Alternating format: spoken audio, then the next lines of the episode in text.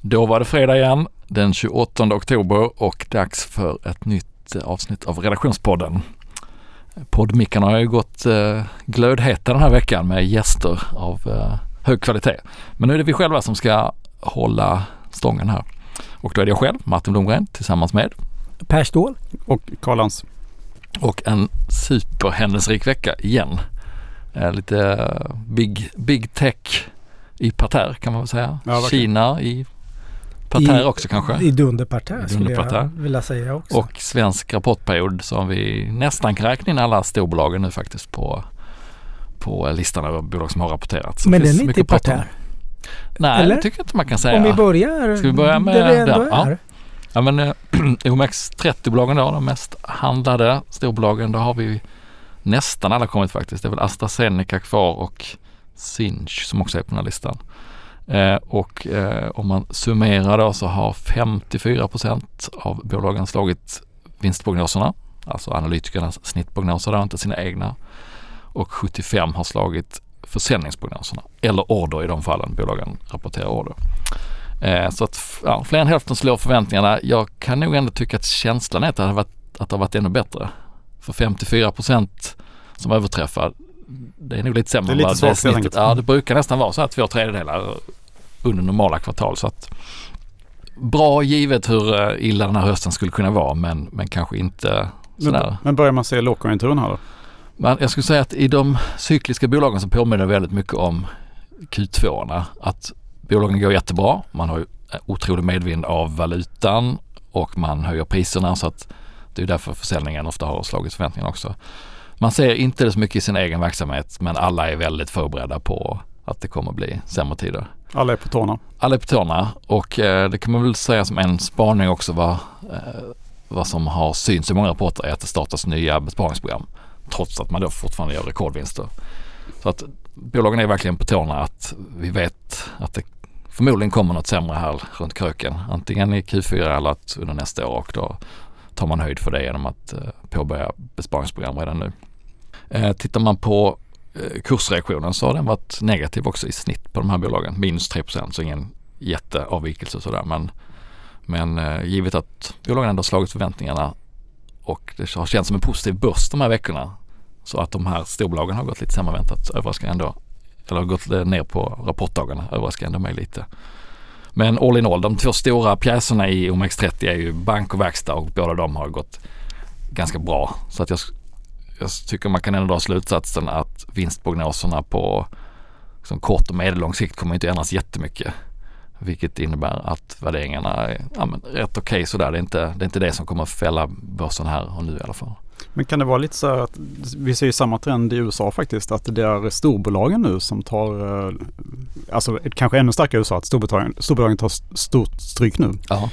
Eh, Medan de mindre bolagen kanske har gått bättre den här rapportperioden. Det tror jag. Skulle man, skulle man göra den här listan på hela så tror jag att man skulle hitta fler som har slagit förväntningarna eftersom förväntningarna har varit ännu mer nedtryckta på de Exakt. små. Eh, och i den ekvationen som du är inne på där, då får man också lägga till att USA-bolagen tar ju stryk av dollarn medan de svenska vinner på det.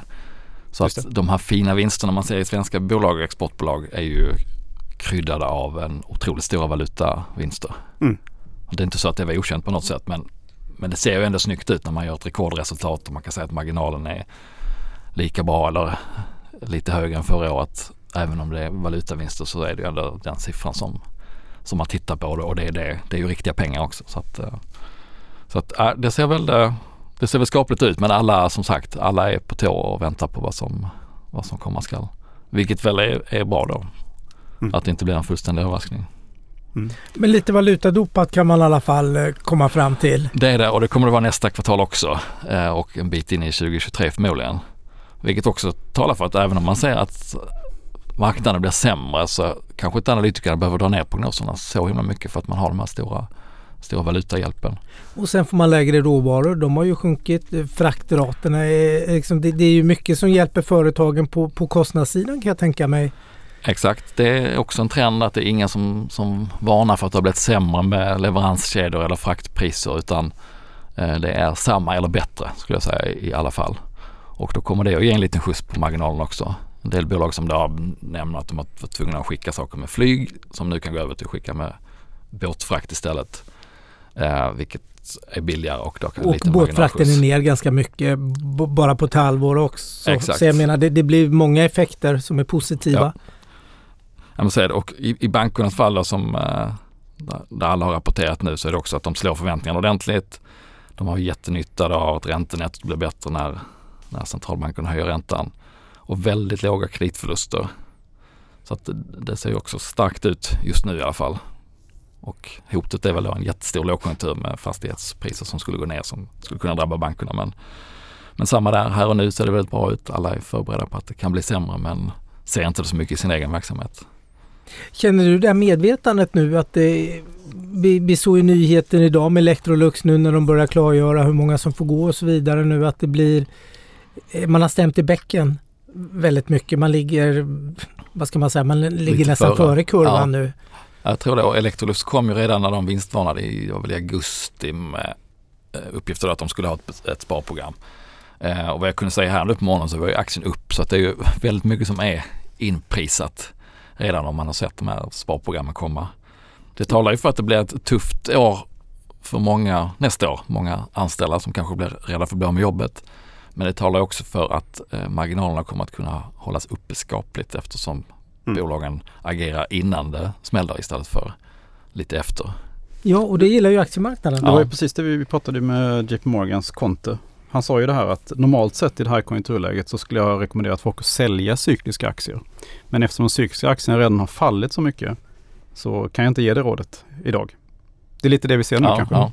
Att vi, det är redan taget. Och tror tittar man på, det har varit inne på någon tid, men tittar man på vilka som sitter som chefer i de här svenska stora verkstadsbolagen så är det många som har varit med antingen som vd redan då eller som satt som divisions eller affärsområdeschefer vid förra krisen och många är liksom skolade i det här decentraliserade, var snabbt på bollen när marknaden viker. Så att jag tror man kan vara ganska trygg som aktieägare om med att det inte kommer att bli ett, eh, ett riktigt, riktigt katastrofscenario även om efterfrågan viker en del utan att de vet precis vad de ska göra. Man har beredskapsplaner klara. Går det ner 10% då gör vi så här. Går det ner 20% då gör vi så här.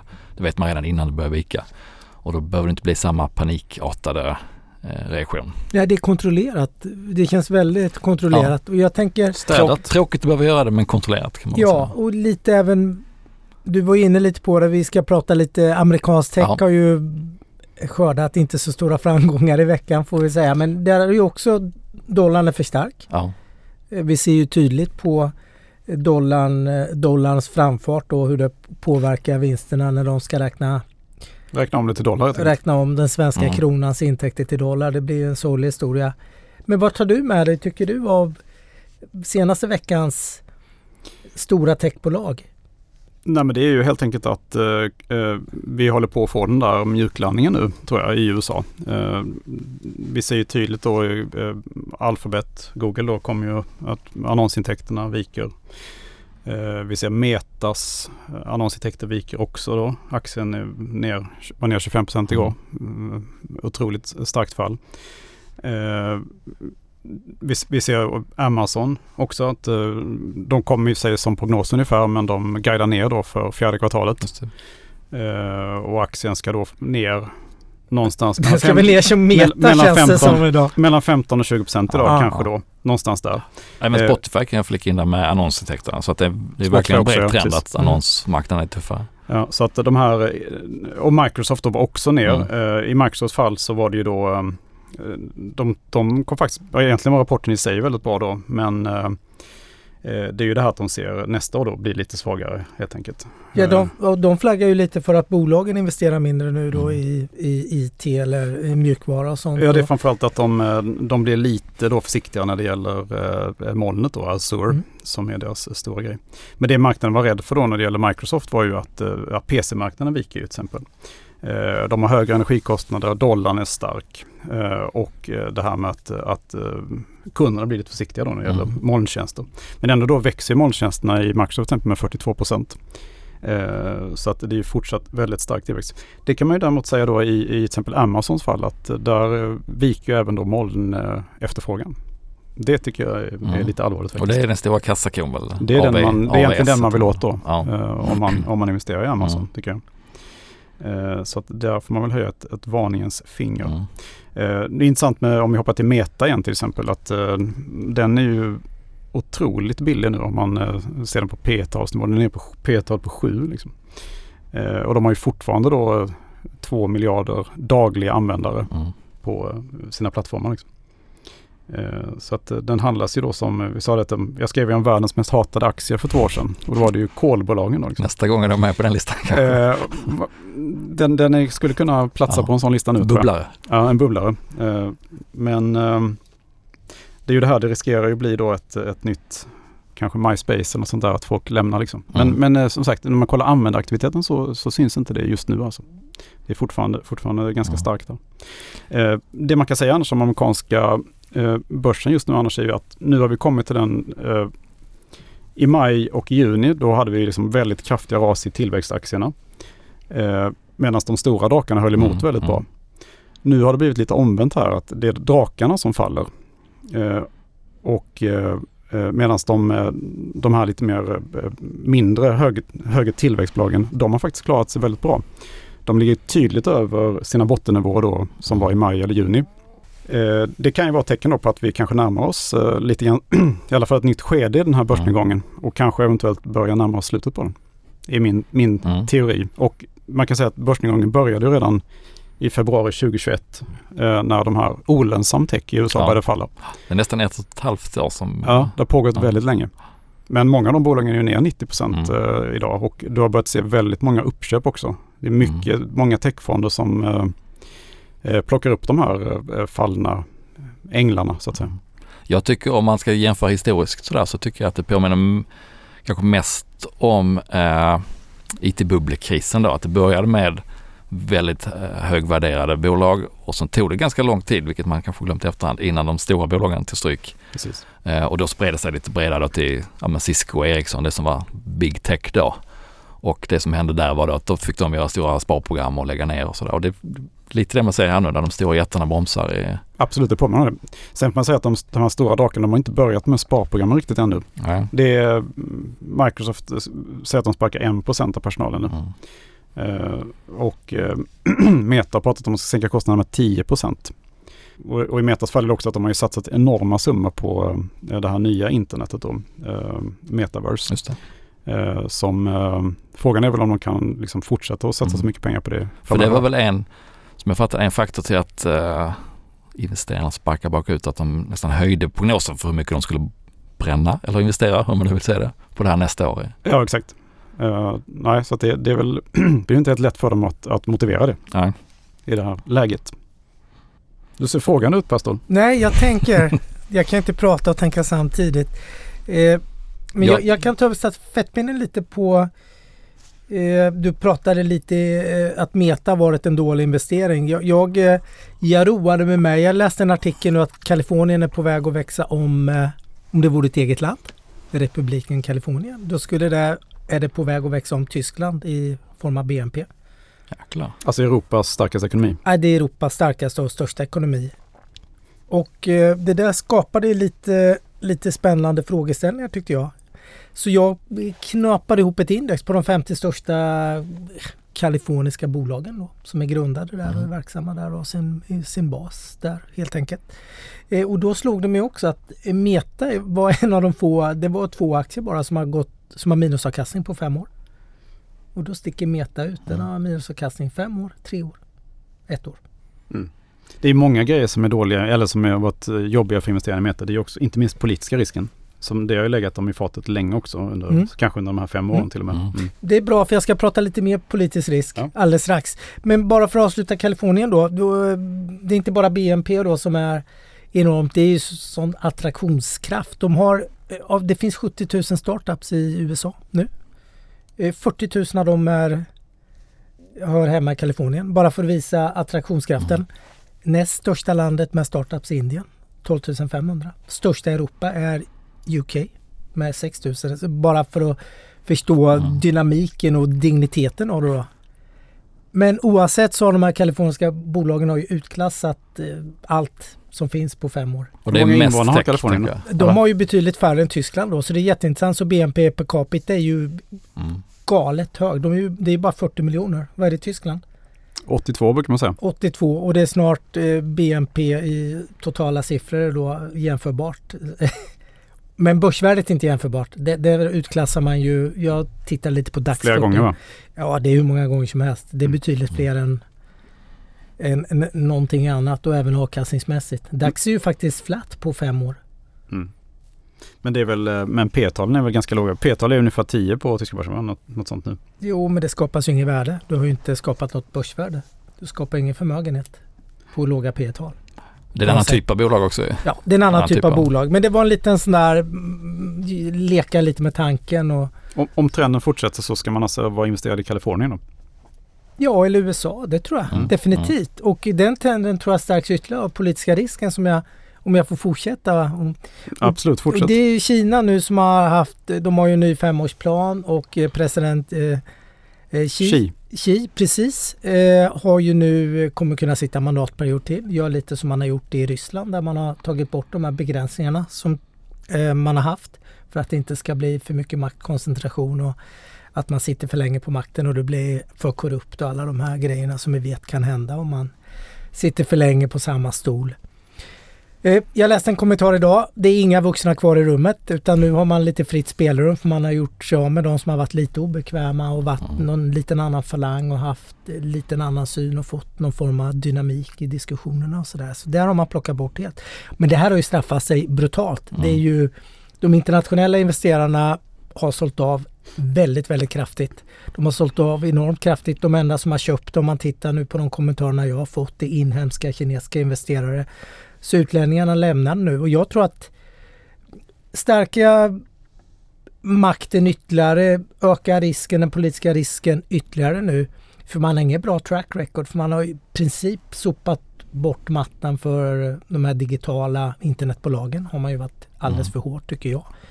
Och sen har vi Rysslands, det här invasionskriget nu i bakgrunden då, när man ser hur den här politiska risken kan ta bort tillgångsvärdet totalt. I Rysslands fall är det ju nollat. Mm. Frågan är om det är noll värde. Kanske inte, men det är ändå nollat hos indexleverantörer.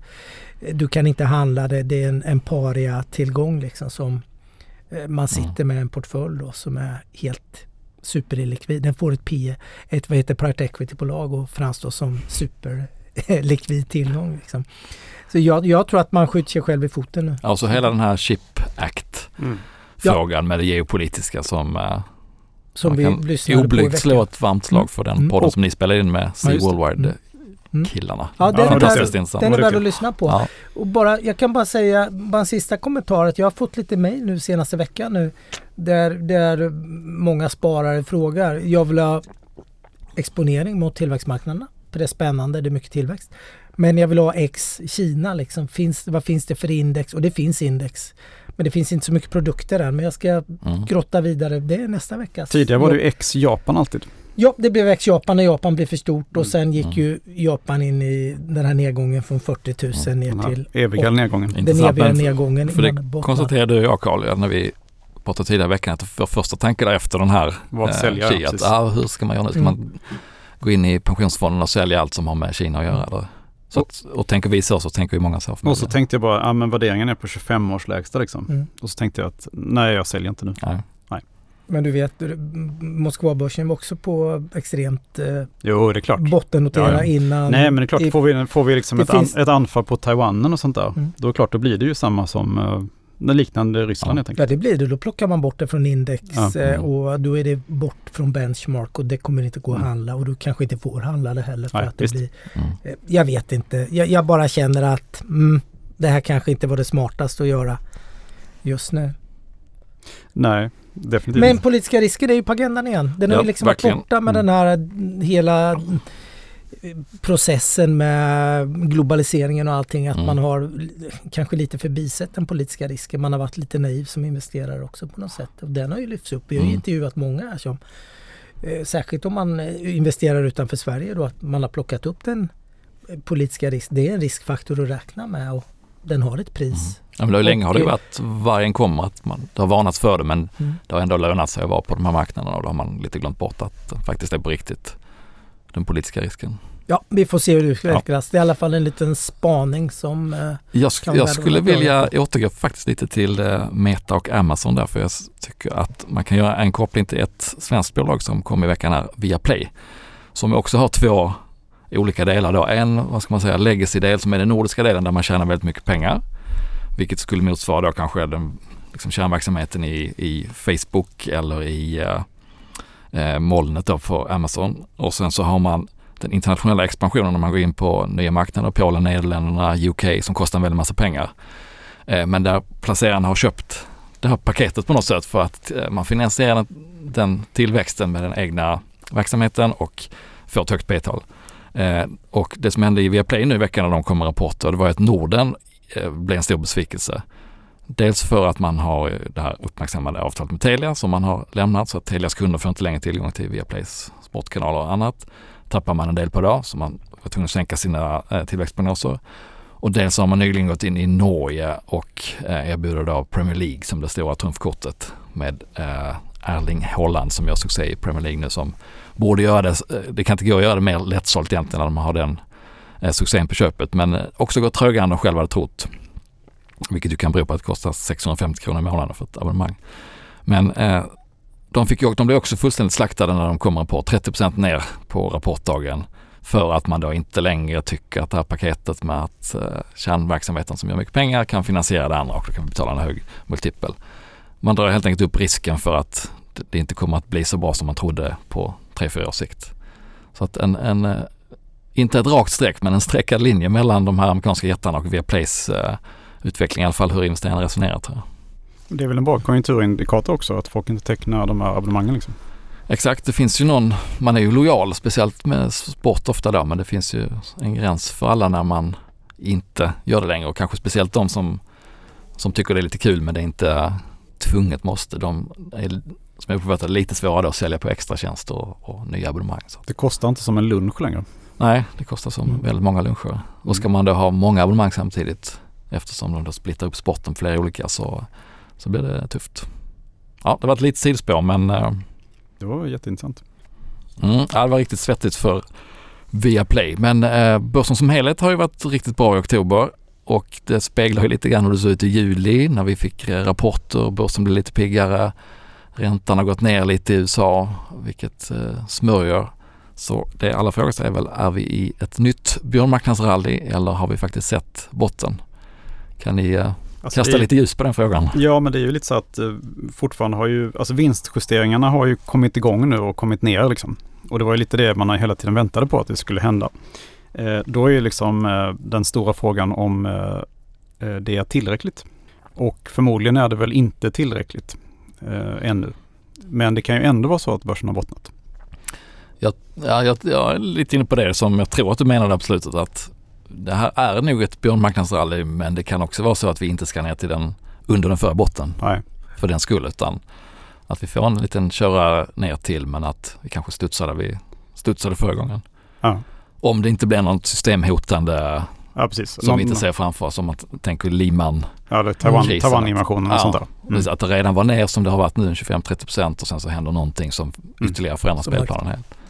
Då det, blir det en ny Det finns ju också ett positivt scenario. Vi pratade om, Per, vi pratade ju igår eller förrgår om att uh, ja, det kan ju, kan ju hända något med Ukraina och Ryssland också. Ja, det, det kan, kan ju hända positiva saker också. Ja, ja men precis. Vi mm. pratade och jag såg att den där, jag refererade till någon av mina i mitt nätverk som dina, pratade. Dina middagar liksom. Ja, och nu var den, den där referensen fanns i, på ledarsidan i Svenska Dagbladet idag, några dagar senare såg jag. Eh, lite att man ser över hur man vill göra med Putin. Att det mm. finns falanger nu som vill bli av med honom. Då. Att man inser att om man vill närma sig väst och försöka få bort lite av sanktioner och hitta någon fredlig lösning och så vidare. Då. Och då har vi ett rally.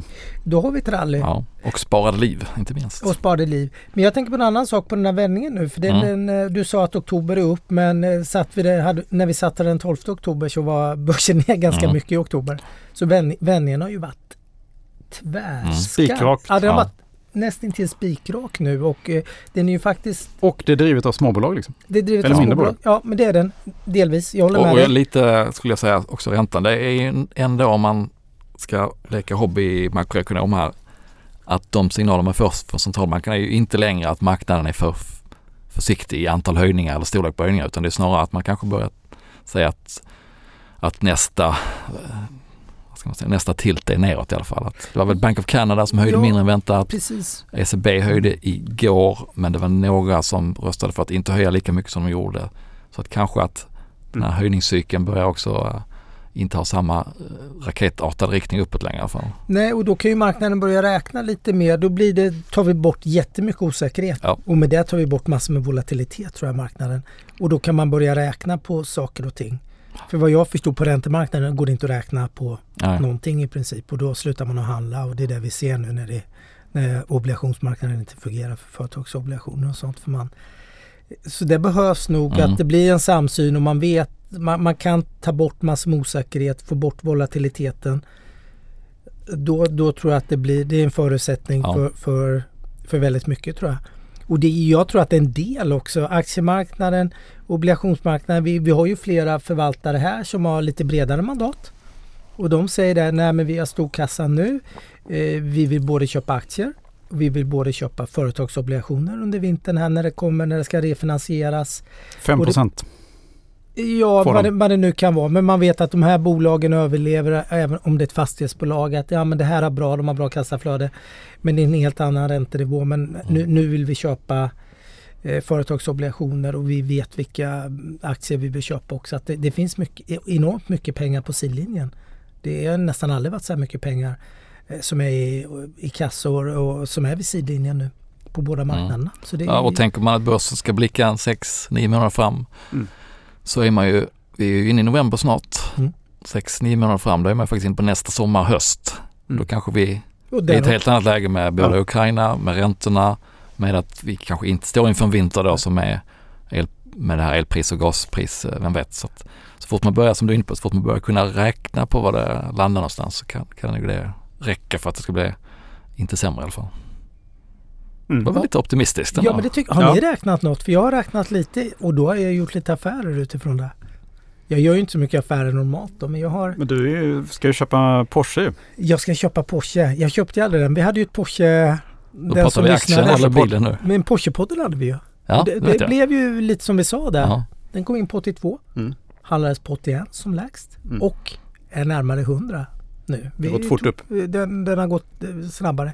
Så jag har lättat på lite innehav då. Lättat på pungen. Jag har lättat på, jag har sålt lite Adobe.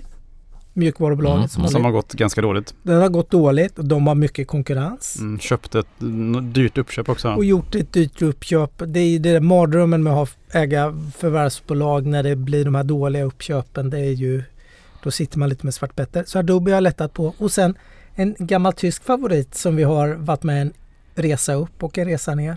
Eckerton, Eckerton Ziegler. Und Ziegler. Ja, nu får jag det här tyska fina uttalet. Mm. Det är synd att släppa dem liksom. Ja, det på, kan de vara här, synd. på de här bottennivåerna. Ja, det är bottennivåer. Men jag tänker att inflationen är här under någon period till, kanske ett eller två år. Vilket gör att det blir ganska lite utrymme tror jag för sjukhus och den typen av inrättningar nu. För man har löne, löner som går upp, elkostnader går upp. Det, det, de här investeringsbudgeterna, Sparbeting, ja, klok, man kan ju inte säga att de... Det blir inte mer utrymme där. Du, du tror det finns mer pengar att köpa Porsche-bilar för liksom? Ja tyvärr, det låter ju Mm. jättecyniskt. Men eh, de säljer 300 000 bilar om året. Jag tror inte det är svårt att hitta 300 000 människor eh, Det är- glo- det är globalt som har... d- Det är en annan kund. Det är sjukhusen som köper medicinutrustning. Det är läkarna som köper Porschen. Så. Det är faktiskt, det har jag inte tänkt på. Men du helt, de vill köpa medicin före du vill köpa Mm. sjukvårdsutrustning. Mm. Det tror jag. Man reparerar gärna det gamla. Det är min tes i alla fall. Och du är helt rätt. Läkarna är kunderna. Delvis kunder på Porsche. Några är det säkert. Så så är det. Så jag ska titta på Porsche och Novo Nordisk som jag varit inne i Mm. tidigare. Eh, Så vi får se. Jag har sålt av lite på den här, vad det nu är, den här uppstudsen i alla fall som har varit nu. Mm. Vad har Karl då? ni gjort då? Har ni suttit och räknat något och har lite sån här Ja, men jag, eh, jag kollar ju på de här, följer de här storbolagen, amerikanska storbolagen och eh, eh, jag har ju fortsatt att köpa mer i eh, Prologis, världens största logistikfastighetsbolag. Eh, Kan och-? Och det, och det följer ju då eh, logiken bakom att lite köpa in mig i fastighetssektorn nu är ju att eh, om det här skulle vara ett nytt 1970-tal med långvarigt hög inflation Eh, då var det faktiskt så att under 70-talet var fastighetssektorn var den enda sektorn som gav real avkastning under hela årtiondet. Eh, och om tvärtom ekonomin skulle börja ta fart igen, så, eh, eller, eller om vi skulle se lägre inflation, så kommer förmodligen fastigheter ändå gå bra. Eh, särskilt logistikfastigheter då. Så att det är lite det som är logiken bakom att köpa in mig i eh, logistikfastighetssektorn. Då. Prologis. Prologis. Mm. Mycket Eh, logik var det där. Ja, lite logik. Mm. Eh, och sen har jag ju eh, ko- kollat på amerikanska storbolagsrapporterna och den jag tycker är fortsatt klart lysande stjärnan här, det är ju Microsoft. Eh, de kommer att eh, fortsätta och de kommer att klara den här lågkonjunkturen. Eh, och de kommer att gå starkare ur den när det väl vänder. Liksom. Så Ja. att jag har ökat i Microsoft också. Och in, apropå politisk risk, inte lika Och inte så, som de som som de säljer Nej. datan om sina kunder. De hade ju sin, sin kris då på 90-talet redan Mm. när de var liksom, eh, ganska hårt ansatta. När de var vid skranket faktiskt. Mm. Mm. Det kan man väl också säga, Mm. den här jämförelsen som vi var inne på med IT-bubblan, att bolagen ser ju annorlunda ut idag. De är ju inte lika, det är inte liksom fabrikstunga bolag på det sättet som, som Ericsson var på den tiden, utan det är ju eh, mjukvarubolag med återkommande intäkter på ett helt annat sätt och andra affärsmodeller än vad det var då. Så de borde vara mer motståndskraftiga. Ja, det- för de är mycket mer kapitallätta om man Mm. får uttrycka sig Ja. så. och Vilket gör att man inte är så beroende av om räntan är 2% eller 7 i Nej. obligationslånen på samma sätt. Mm. Eh, Det, det tror jag på. Får jag bara fråga, jag vet ju att du har haft en förkärlek tidigare för Meta. Nu ska jag inte hänga ut dig på något sätt. Men Jo men häng ut mig. nej, jag, hänger, jag bara har en frågeställning. för jag vet, vi träffade ju eh, JP Morgan för och pratade med. De gillade ju Meta väldigt mycket. Gjorde de inte det? Jo, det är sant. Det, det, här, jag, det var så länge sedan nu så jag minns Ja, inte. men Men, det jag, jo, det var han som satt Jo, i Hongkong. det, ja, ja, vi pratade Just flera just gånger med honom vid olika tillfällen och Mm. de håsar ju den där. Mm. Eh, Nu ska jag inte hänga ut dem heller så, men vad är tankarna kring det? Är spelplanen förändrad, tycker du? Hur ska man agera som metaägare Mm. idag? Ska man köpa mer eller ska man sitta still eller? Bita Jag tycker nog att man ska eh, sitta still faktiskt. För att det är ju ändå så att de, eh, de har ju, alltså användaraktiviteten hade faktiskt inte minskat och de har två miljon, miljarder dagliga användare. Mm. Eh, sen är det ju annonskonjunkturen då som spelar in. Eh, du har eh, den politiska risken eh, och du, du har de här enorma satsningarna då på nya internet. Så du har liksom ett bolag som handlas till P7 eller något sånt där. Alltså i linje med vad ett kolbolag handlades för då för några, några år sedan innan kriget. Som ändå har en option på att kunna liksom vara ledande då när nya internet kommer. Så att om man har varit med ända ner hit så skulle jag säga att man inte ska sälja i alla fall. Mm. Det är väl min take Ja. på det. Mm. Martin då, har du botaniserat bland verkstadsbolagen Ja, här? Du har ju eh, förkärlek för dem. Ja det har jag. Jag har skrivit om en del verkstadsbolag men jag har inte gjort några egna affärer faktiskt den här veckan. Eh, och inte förra heller. Ja, Jag tror, att, jag tror att du är fulladdad. Det är, Jag är fulladdad, det är ja. därför du inte gör några Ja affärer. men det är jag. Jag laddade in fullt för några veckor sedan då när eh, den här Fear and Greed var nere på Extreme Fear igen. Jag tänkte nu kan det vara dags för ett litet Det var bra marknadsrally. timing. Ja det blev bra timing. Ja, du tajmar ju väldigt Så- bra. För jag- det bara slog mig för några Mm. dagar sedan. Jag vet att du tänkte brukar på- vara duktig på det. Sen sitter jag kvar här nu så jag Sen hoppas att, jag hoppas att det fortsätter upp lite till. Men jag skulle också kunna tänka mig som du var inne på Per att lätta lite om det här skulle Mm. fortsätta väldigt starkt för att det är ju ändå en vinter vi ska späka oss igenom där det kommer att vara en del besparingsprogram och tuffa, tuffa tag.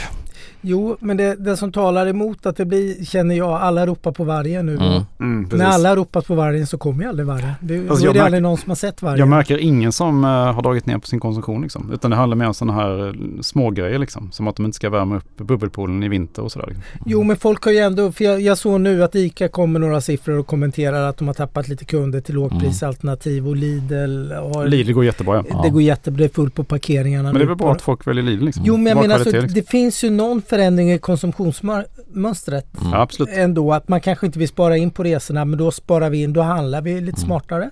Eller äter lite bättre eller äter lite att man... Laga mer mat hemma liksom. Fast Ja. det, restaurangerna går väl fortfarande hyfsat. Jag tycker inte jag, det, det lilla jag ser är liksom de fortfarande fulla. Mm. Mm. Ja, Jag tror de tar lite stryk, kommer nog ta stryk i vinter också. Det, men det är så liten sektor så ur investerings och börsperspektiv är det inte så, Nej. så mycket att bry sig om kanske. Men man ser, Swed, Swedbank har ju veckovis statistik på eh, genom sina Ja, korttransaktioner det. och där ser man att volymerna är ner en hel del. Och sen så eftersom det är så stor inflation så är det ju ändå kanske upp i nominella tal men eh, Ja.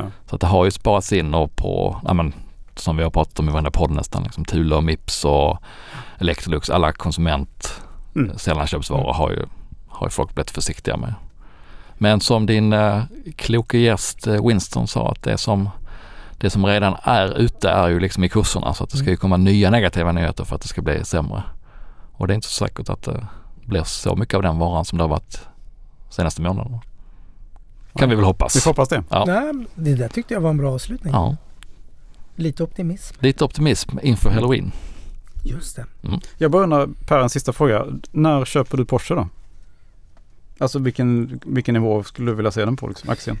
Jag, jag vet inte. Jag, jag, så här är det. Ferrari kommer med sin rapport på, måste jag tänka, andra. Det blir onsdag. Ja. Dels vill jag titta på den lite, hur den, eh, vad de säger om orderingången, vilket har varit jättebra och de har en backlog som är, ja, det går väl att producera bilar i två år på den. Men jag vill se lite Porsche också, för de har inte släppt någon rapport än. De kommer att släppa en rapport. Mm.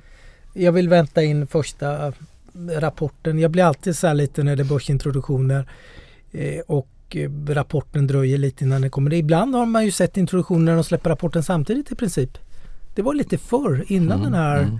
boomen som var i fjol och lite innan. Men du vet man, man tog det till börsen och sen kom princip kvartalsrapporten samtidigt i princip att det blev lite, det skingrade lite mer. Så jag väntar in kvartalsrapporten. Nivåerna vet jag inte riktigt men ja så billigt som möjligt men ja, jag, jag har ju tänkt den här kan man äga länge tror jag. Mm. Och Då det- spelar det inte så stor roll. Nej, det, det går säkert. Ja, får jag den för 90 någonting så Mm.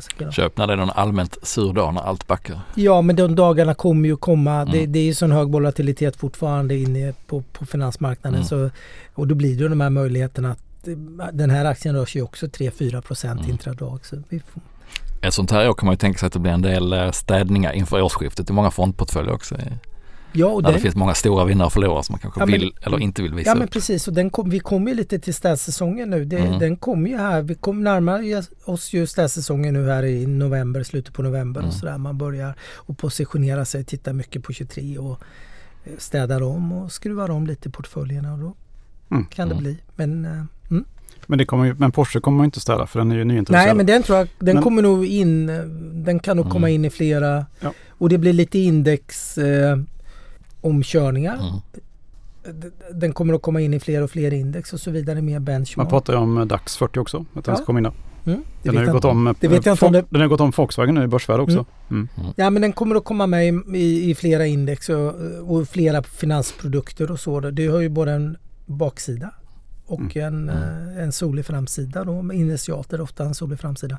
Ja, baksidan är ju lite, det är ju det vi pratar om lite nu med de här stora techbolagen. Som nu lyckas gå ner då både 10 och 20 procent. Det är alltså världens största bolag. Ja, det är enorma börsvärden. Meta. Ja. Idag är det bara att spänna fast sig som Amazon-ägare och Mm. se, se vart det stänger Ja. ner. Om det blir minus 15, 17 eller 21 procent. Ja, men, och som vi pratade om tidigare också att du säger Amazon-ägare men det är ju väldigt många som är det eftersom de ingår i nästan varenda USA-fond, globalfond, stora Alla- ETF. Soffliga fond. Ja, Soffliga fonder, överallt. tech-ETFer och du gör tematiska ETFer. Det, det kommer in på alla håll och kanter. Ja. De är så extremt handlade och det Mm. blir stor påverkan när Mm. det, det blir omallokeringar och sånt. Och det ska man ha i bakhuvudet då. Mm.